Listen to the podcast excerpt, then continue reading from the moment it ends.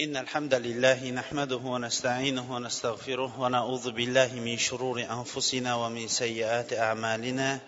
من يهده الله فلا مضل له ومن يضلل فلا هادي له. وأشهد أن لا إله إلا الله وحده لا شريك له وأشهد أن محمدا عبده ورسوله. ثم أما بعد assalomu alaykum va rahmatullohi va odatdagidek suhbatimizni boshlashdan avval biz alloh taoloni go'zal ismlari va oliy sifatlari bilan ushbu majlisimizni turli xato va kamchiliklardan xoli bo'lgan majlislardan qilishligini tarqalishligimizda esa alloh taoloning ilm halaqalarini qidirib yuruvchi farishtalari bizlarga qarata ey ollohning bandalari endi sizlar o'rninglardan turaveringlar vaholanki sizlarning gunohinglar endi kechirilindi degan majlislardan qilishligini so'rab suhbatimizni boshlaymiz. Katta tarixdan o'tayotgan darsligimiz makka mushriklari musulmonlarning habashistonga qilgan hijratlaridan xotirjam bo'lmasdan ularning ortlaridan sovg'a salomlar bilan o'zlarining elchilarini jo'natgan va habashistonning podshosi bo'lmish najoshiyning huzurida musulmonlar nomidan jafar ibn abu tolib ahvolni tushuntirib bo'lgan vaqtiga kelib vaqtimiz tugab qolgan edi. Jafar ibn abu tolib o'zlarining arab yarim orolligidagi islomdan avvalgi ahvoli keyin esa islomdan keyingi ahvoli haq kelgandan keyin qavmi ularga qarshilik qilganliklarini aytib bo'lganidan keyin gapni najoshiy sizlar bilan birga ollohdan nozil bo'lgan biron bir sura bormi dedi. Jafar roziyallohu anhu ha bor dedi. Unday bo'lsa bizga o'qib bersangiz dedi najoshiy jafar roziyallohu anhu maryam surasini avvalidan boshladi. Zakariya alayhissalomning allohga qilgan duolari va hokazo iso alayhissalomning tug'ilishligi ali imron haqidagi bu surani boshidan tilovat qildi. Najoshiy buni tinglab turib shunchalik qattiq yig'ladiki soqollari jiqqa ho'l bo'lib ketdi. Uning atrofida o'tirgan nasorolarning poplari ham shunaqangi yig'ladiki qo'llarida ushlab turgan varaqlari ham kitoblari ham ho'l bo'lib ketdi. Keyin esa najoshiy bu siz o'qiyotgan narsa va iso alayhissalom olib kelgan yo'l bitta mushkotdan bitta chiroqning o'zidan chiqar ekan. Sizlar qaytaveringlar yo'q ollohga qasamki sizlarga ularni mutlaq topshirib qo'ymayman dedi. Amr ibn os o'zining do'sti bilan oldidan chiqdi. Mana shu o'rinda ham aytib o'tmoqligimiz kerakki najoshiy islomni hali qabul qilmagan vaqti edi. Lekin haq kelgan vaqtda sof fitrati buzilmagan insonlar o'zining dini bo'lmasam najoshiy o'zining dinini nasoro dinini mustahkam ushlagan insonlardan podshohlardan edi. Haq kelgan vaqtda ular haqni shundaygina qabul qilib olmasdan balki qur'on tilovat qilayotgan vaqtda yig'lab turib soqollari ho'l bo'lib ketgan ravishda atrofda turgan o'zining poplari ham qo'llaridagi kitoblari ho'l bo'lib ketadigan ravishda yig'laganliklari ular haqni qabul qilgani va bu dinim ekan? Bu boshqa din endi. Yarim oyoq bo'lib yurgan arablarga ergashamanmi demasdan haqni qabullashligi bu ham alloh taoloning katta bir mo'jizasi edi. Amr ibn os va abdulloh ibn rabia tashqariga chiqishdi. Keyin amr ibn osning jahli chiqib ketdi. Chunki u katta bir umid bilan qurayshning nomidan sovg'a salomlar bilan musulmonlarni qaytarishlikka va'da berib olib kelgan edi. Allohga qasamki dedi amr ibn os ertaga kelib shunaqangi bir uydirma gapni aytamanki endi bularni qaytarmasa bo'lmaydigan bir gapni aytaman dedi. Sherigi abdulloh ibn rabia shuni qilmay qo'ya qolsangiz bo'lardi. Ular ichida ham baribir qarindosh urug'larimiz boru bermadiyu dedi. Amr ibn os yo'q men shuni erta qilaman ko'rasiz dedi. Ertasiga amr ibn os abdulloh ibn rabia bilan keldidagin podshoh hazratlari dedi najoshiyga qarab turib. Bu siz o'zingizni himoyangizga olib oqlab turgan musulmonlar payg'ambaringlar iso ibn maryam haqida katta bo'xton gapni gapirishadi dedi. Najoshiy hayron qoldi va qaytadan musulmonlarga elchi jo'natdi. Elchi bu gapni aytgan vaqtda musulmonlar ham bir dahshatga tushishdi. Chunki hammamiz ham bilamizki iso alayhissalomning alloh taolo bergan mo'jizalari bilan nasorolar iso alayhissalomni ollohning o'g'li degan davoga borishib dinni ular buzib yuborishgan edi. Nasoro dinidagi insonning qo'lida himoyada turib bir tomonga qaraydigan bo'lsa nasoro dinidagi odamlarning himoyasida. Ahli kitobdan ham battar bo'lgan shirk ahli ikkinchi tomonda turibdi. Mana bunaqa holat musulmonlar uchun musofir bo'lgan musulmonlar uchun nihoyatda og'ir holat edi. Ba'zilari endi nima qilamiz degan o'zaro gapga kelib qolishdi. Ular keyin aytishdiki haqiqatni aytamiz dedi. Nima bo'lni aytiladigan bo'lsa shariatimizda shuni aytamiz dedi. Kirishdi. Bu gap aytilinganda yana jafar roziyallohu anhu musulmonlar nomidan gapirib turib biz payg'ambarimiz sollallohu alayhi vasallam isa ibn maryam haqida nimani aytgan bo'lsa shuni aytamiz. Isa ibn maryam ollohning quli va uning elchisi va undan bo'lgan ruh alloh taolo pokiza bokira bo'lgan maryamga ruhi bilan uni puflagan dedi. Najoshiyga bu haqiqat kelgan vaqtida buni ham to'liq qabullab oldida yonidan bitta chuqni oldida aytdiki allohga qasamki bu musulmonlar iso ibn maryam aytgan gapdan mana bu chuqchalik ham ortiq narsani aytmayapti dedi. Atrofda turgan nasoro dinini buzib yuborgan poplar ovozlarini ko'tarib yuborishdi. Ularning ham ovozini najoshiy o'chirib agarchi ovozinglarni ko'tarib o'kirsanglar ham haqiqat mana shudir.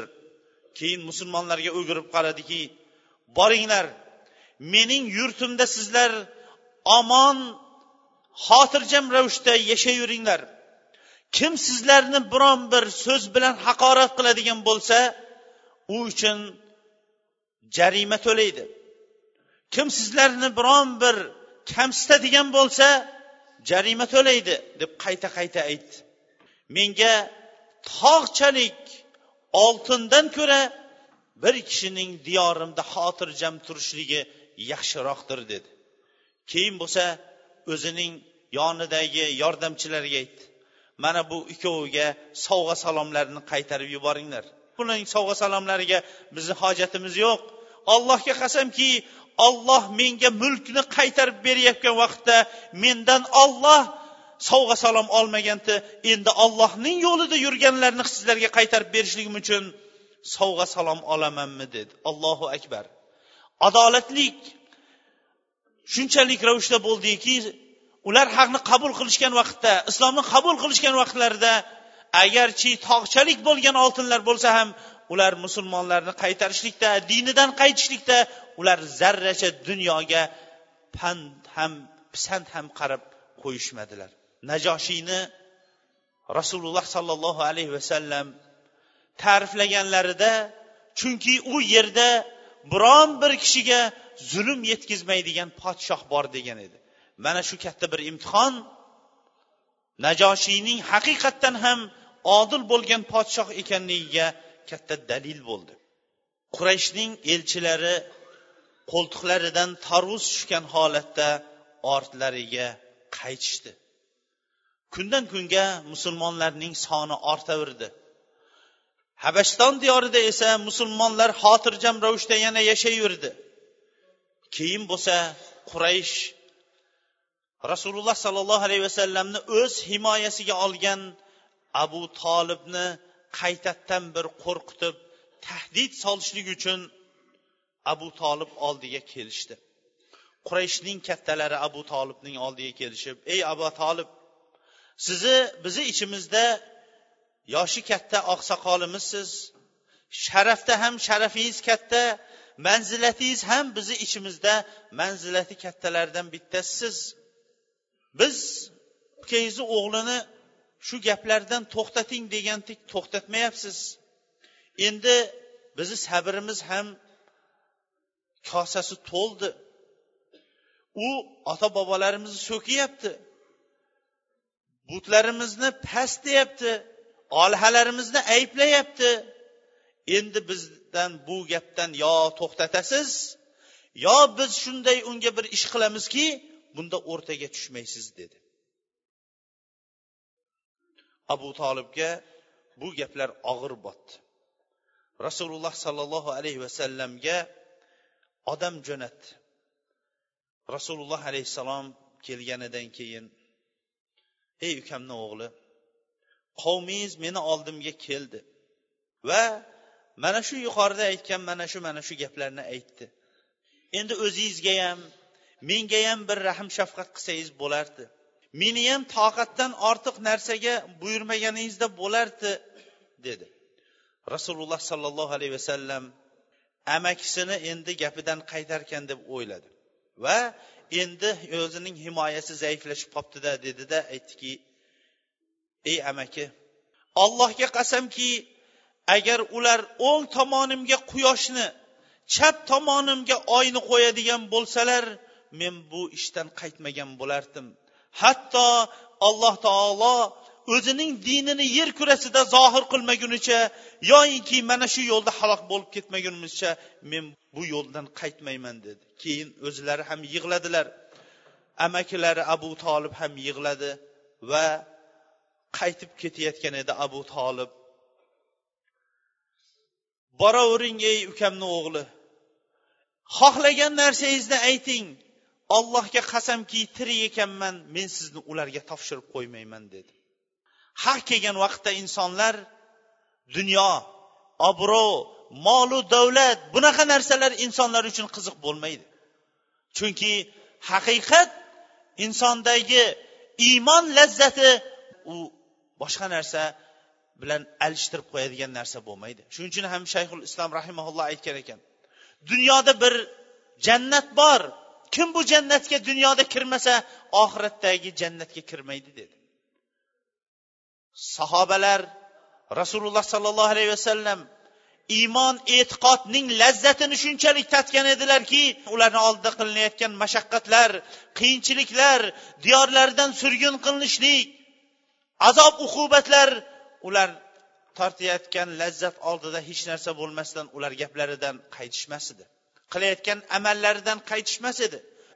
Rasululloh alayhissalomning ham buyuk gapi qiyomatgacha har bir o'zining dinini mustahkam ushlaganlar uchun bir o'rnak bo'lib qoldiki allohga qasamki ular agar quyoshni o'ng yelkamga oyni esa chap yelkamga qo'yadigan bo'lsa ham bu yo'ldan qaytmayman degani har bir dinni mustahkam ushlagan insonlar uchun qiyomatgacha shior bo'lib qoldi. Quraysh mushriklari bu bilan to'xtamasdan abu tolibning oldiga yana kelishdi. Rasululloh sollallohu alayhi vasallam o'zining amalida davom etayotganini ko'rgan quraysh abu tolibning rasululloh alayhissalomni oldida ojiz bo'lganini ko'rdi. Keyin bo'lsa o'zining adovati va dushmanligini yana bir bildirib qo'yishlik uchun ammar ibn valid ibn mug'ira abu tolibning oldiga kelib turib bu yigitcha qurayshning ichidagi eng yaxshi yigitlarning chiroyli yigitlarning bittasi edi. Aqli ham nihoyatda raso edi. Quraysh nomidan abu tolibga gapirib turib aytdiki endi ukangizni bolasini bizga bersangiz bo'lardi. Xohlasangiz dedi. Ammar ibn valid ibn mug'irani sizga beramiz. Quraysh ichida nasabi ham yuqori o'zi ham chiroyli o'zi epchil qo'lidan hamma narsa keladi. Boshga bosh almashamiz. Siz ukangizni o'g'lini bizga berasiz. Biz bu farzandni sizga beramiz.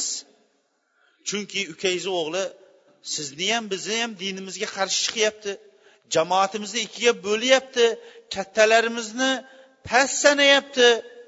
Biz ukangizni o'g'lini o'ltiramiz odam boshiga odam boshi bo'ladi dedi. Buni eshitgan abu tolibning jahllari chiqib ketdi. Allohga qasamki sizlar adolat qilmayapsizlar. Sizlar menga bir o'zinglarning bolanglarni berasizlar ekanda men uni boqib yana o'z himoyamda olib yurar ekanmanda sizlarga men bolamni berib sizlar o'ltirar ekansizlar bu adolatmi? Bu hech ham hargiz adolat emas dedi. Mutim ibn adi ibn nufayl bin abdumannaf. Bu kishi ham rasululloh sollallohu alayhi vasallamning amakilaridan darrov gapga aralashdida ey abu tolib sizga qavmingiz insof qilyapti. Chunki hammamiz yomon ko'rib turgan narsadan mana shu bilan biz qutulib qolardik. Mana shuni o'zini qabul qilavering dedi. Abu tolib allohga qasamki bu insofdan emasdir. Nima qilsanglar qilinglar lekin men farzandimni sizlarga topshirib qo'ymayman dedi. Mana bu abu tolibga ham ularning qilgan harakatlari puchga chiqqandan keyin ular endi yolg'iz bir fikrga kelishdi. Habashistondagi musulmonlarni qaytara olmadi. Rasululloh sollallohu alayhi vasallamning himoyachisi bo'lgan abu tolibni ham qaytara olmadi. Endigi yolg'iz va markazlashtirilgan yolg'izgina amal bu rasululloh sollallohu alayhi vasallamni o'ltirish bo'ldi. Bunga boshchi ming afsuski rasululloh sollallohu alayhi vasallamning amakilari abu tolib bo'ldi. Lekin alloh subhanava taolo o'zining dinini izhor qilmoqchi bo'ladigan bo'lsa ular qilgan makru hiylalarning qo'li bilan alloh taolo o'zining dinini aziz qilib qo'yadi. Auzu billahi minash shaytonir rojim يريدون أن يطفئوا نور الله بأفواههم فيعبى الله إلا أن يتم نوره ولو كره الكافرون ular ollohning nurini og'izlari bilan puflab o'chirmoqchi bo'lishadi. Lekin olloh bundan bosh tortadi. Olloh nurini tamomiga yetkazishlikni xohlaydi. Agarchi kofirlar buni yoqtirmasalar ham. Boshqa oyatda esa ollohning yo'liga qarshi ular kechayu kunduz kurashadilar molu davlatlarini sarflaydi va shu bilan o'zlarini zaiflashtirib qo'yadi deydi. Haqiqatdan ham tarixga bir nazar soling. Butun islom va musulmonlar bilan kurashgan qaysi qaysi toifalar bo'lsin qaysi davlatlar bo'lsin o'zilari qayeridan qo'porilib ketganligini bilmasdan keyin qaysi tomonidan yiqilganini bilmay qoldiyu uning tagidan ollohning ulug'ligini aytib turadigan ummatlar ketma ket chiqdi. Yetmish yil mobaynida mutlaq dahriylik xudosizlikni e'lon qilib turgan sovet ittifoqi ham qayerdan ofatni kelganini bilmay o'zi yiqilib uning tagidan minglagan minglagan rus millatining o'zidan ollohni ulug'laydigan musulmonlar yetishib chiqdi. Bundan yigirma o'ttiz yil avval balki sovet ittifoqining eng dahriylik ateizm kuchaygan vaqtlarida o'ttiz yildan keyin mana shunaqa voqea bo'ladi deganda ular mutlaq bu narsani isbotlamagan ishonishmagan ham bo'lardi. Balki shu gapni aytganlarini majnun deb ularni o'zlarining majnunxonalarida saqlagan bo'lardi. Lekin alloh subhanava taolo o'zining dushmanlari qilayotgan makr hiylalarning o'zlarida o'zlarini yemirtirib qo'yib o'zlari qayog'idan yiqilib qayog'idan ishtoni belbog'i yechilib ketganligini bilmaydigan hiyla qilib qo'yadi. Makka mushriklari rasululloh sollallohu alayhi vasallamdan qutulishlik uchun endi u kishini o'ltirishlikni e'lon qildi. Lekin ularning qilgan bu hattu harakatidan islomning bayrog'ini mustahkam va buyuk ko'taradigan quraysh uchun tengma teng kelib ularni daf qila oladigan hamzat ibn abdul muttalib va umar ibn hattobning musulmon bo'lishligi qurayshning rasululloh alayhissalomga qarshi qilgan mana bu harakati u bu ikki katta tog'day kishilarning islomga kirishligiga sabab bo'lib ketdi va qurayshning o'ylagani mutlaq chappasiga aylanib voqea boshqacha bo'lib ketdi. Bir kuni rasululloh sollallohu alayhi vasallamga utbat ibn abi lahab keldi. Va men siz o'qiyotgan va najmi ida hava dana fatadalla oyatlariga kofirman dedi. Keyin bo'lsa u yetmagandek rasululloh sollallohu alayhi vasallamga azob bera boshladi. Rasululloh sollallohu alayhi vasallamning kiyimlarini yirtdi. Rasululloh alayhissalomning muborak chehralariga tupurdi. Lekin tupuk rasululloh sollallohu alayhi vasallamning chehralariga tushmadi. Rasululloh sollallohu alayhi vasallam duo qildi. Ey olloh bunga o'zingning itlaringdan bir itni buni o'ziga ustiga g'olib qilib qo'y dedi. Rasululloh sollallohu alayhi vasallamning duosi mustajob bo'lgan duolardan edi. Utba qurayshlik savdogarlar bilan shom diyoriga chiqqan edi. Zarqo degan o'rinda borganida avval ham duosidan qo'rqib yurib o'zi yolg'iz hech ham uxlamasdi. Uxlasa ham o'zi bilan birga hamroh bo'lgan safarda yurganlarning o'rtasiga kirib uxlardi. Zarqo degan joyga yetganida bir yo'lbars ularning atrofidan ketmay qo'ydi. Kechasi utbani ularning ichidan tortib olib chiqib kallasini uzib tashladi. Ubat ibn muidning bu qilgan ishi makkada taraldi. Shu bilan rasululloh sollallohu alayhi vasallamni o'ltirishlik uchun abu jahlning o'zi kurashdi. Bir kuni ey quraysh jamoasi agarchi hammanglar meni qaytarsanglar ham men muhammadni o'ltiraman dedi. Chunki u dinimizni ayblayapti.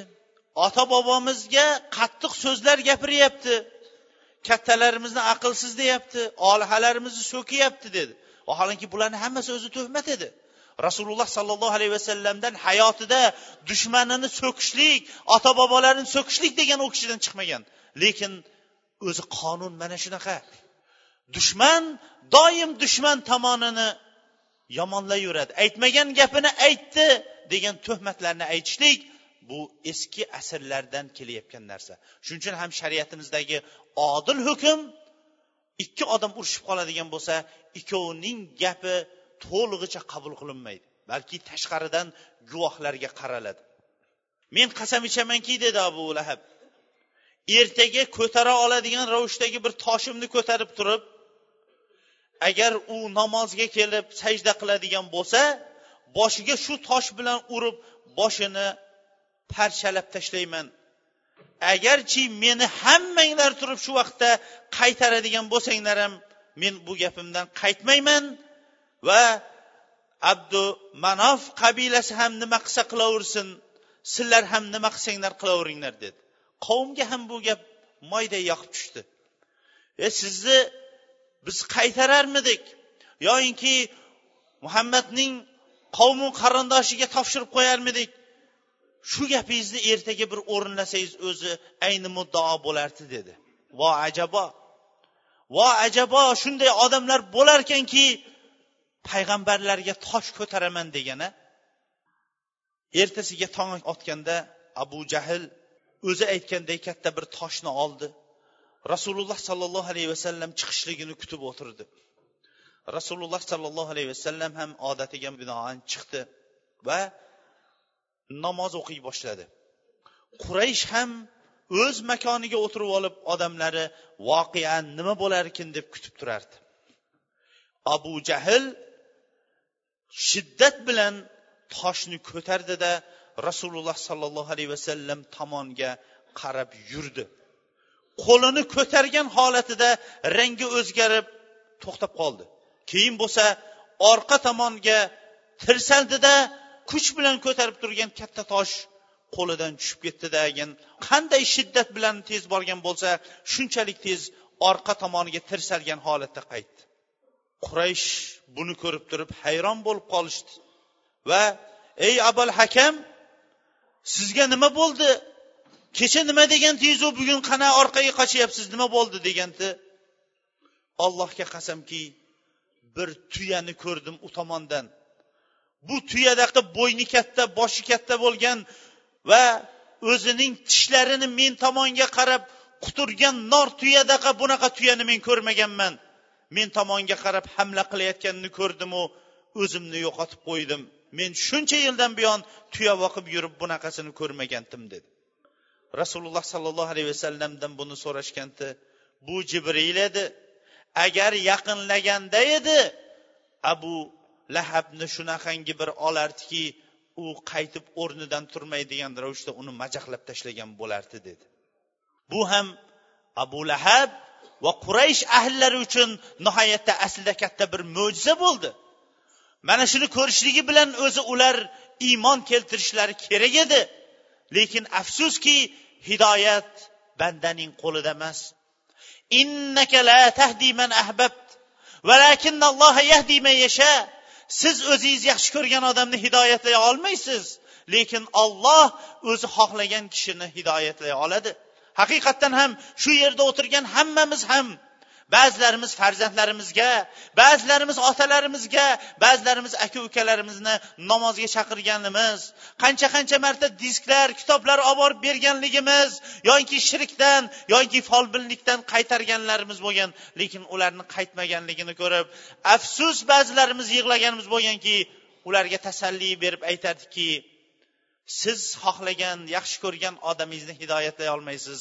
Lekin olloh o'zi xohlagan kishisini hidoyatlaydi. Shuning uchun ham hammamiz ham allohga hamdlar aytishimiz kerakki alloh taolo bizni suratimizga holatimizga qaramasdan o'zi xohlaganligi uchun ham bizni mana shu kun jumaga olib kelib qo'yib o'tirganligi o'zini tanitganligi rasululloh sollallohu alayhi vasallamga ummat qilganligi uchun ham allohga biz ko'proq hamdlar aytmoqligimiz kerakdir. Ammo qurayshning kattalari rasululloh sollallohu alayhi vasallamni yo'q qilishlik ularning o'ylaridan hali chiqmagan edi. Ular bir kuni kabaning oldiga to'planishdida biz dedi bu kishiga o'xshash dinda qattiq turib olgan odamni hali ko'rmagandik. Bu kishi olib kelayotgan bizni haqimizda gapirayotgan gaplarga ko'p sabr qildik.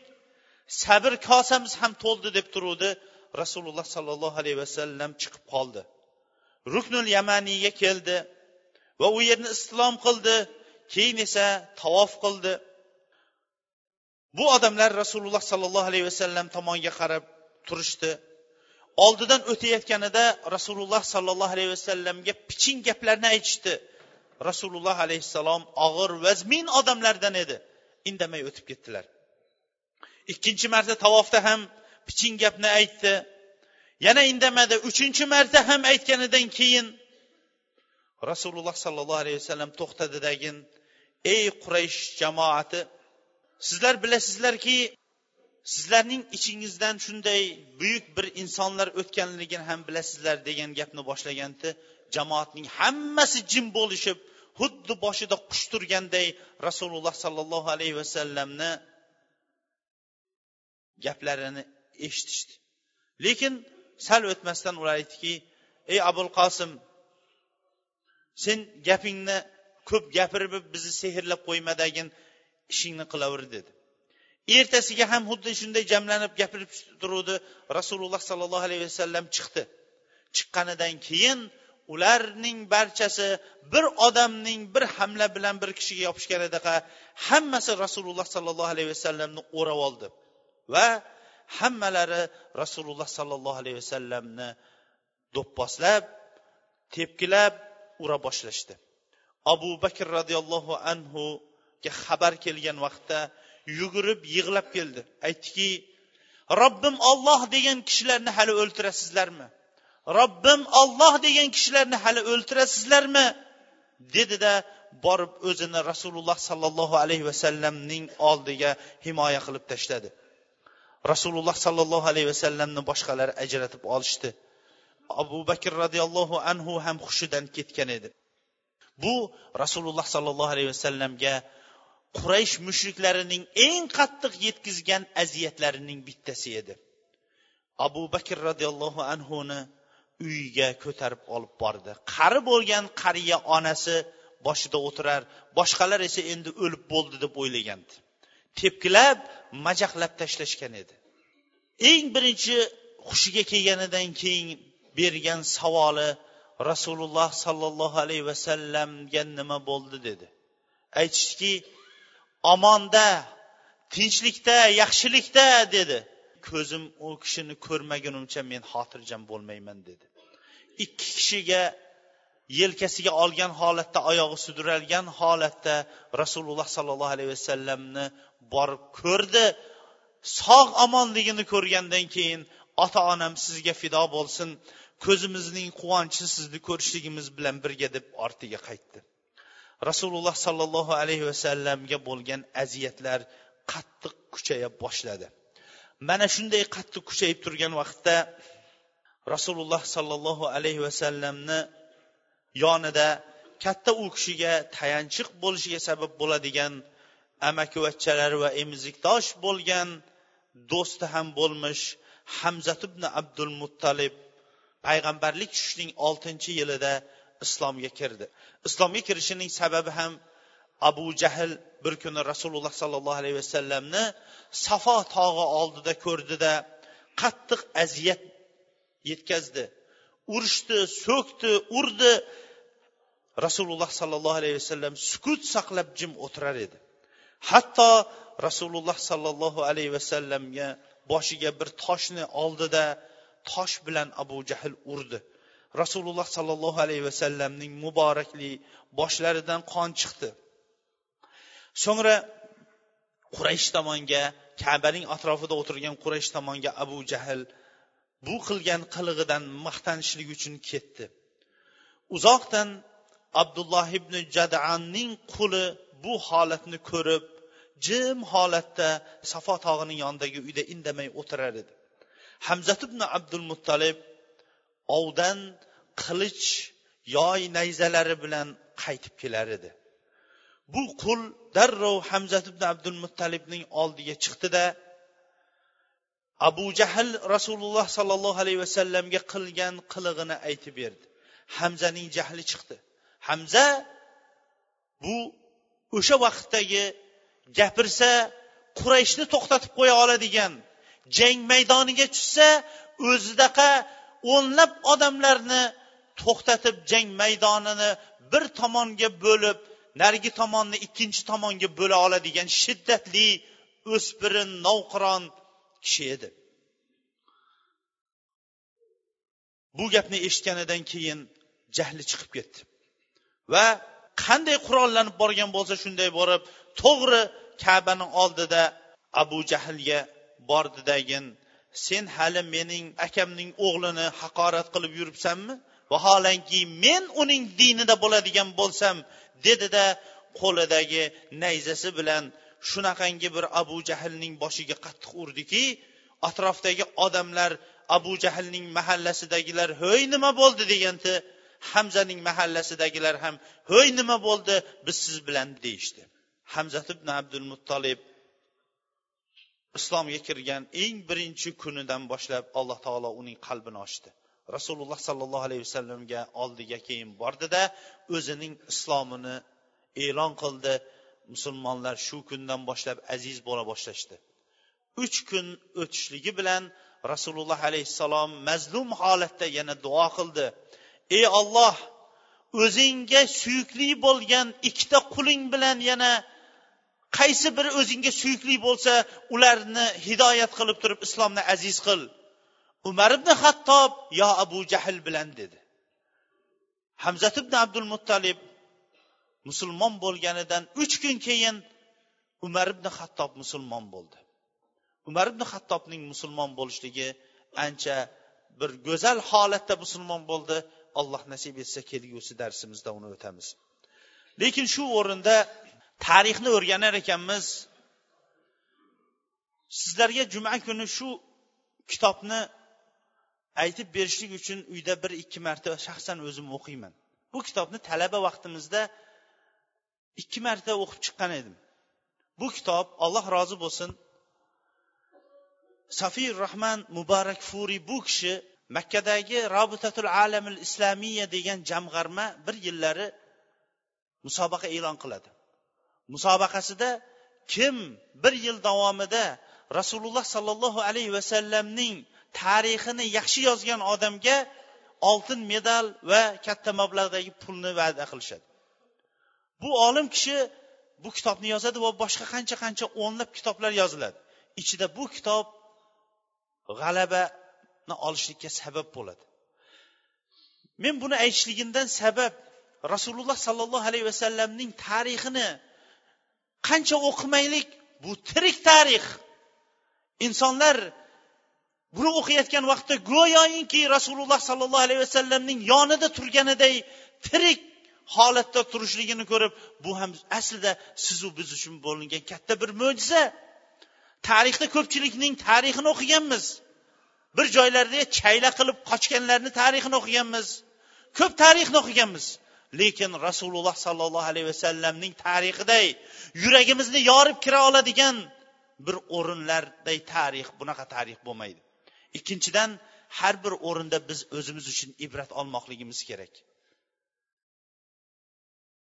Abu bakr roziyallohu anhu har bir o'ringa aslida to'xtagimiz keladiyu lekin vaqtimiz oz bo'lgani uchun to'xtalmaymiz. Robbim olloh deganligi uchun o'ltirasizlarmi deb turib bundan o'n besh asr avval aytib qo'ydi.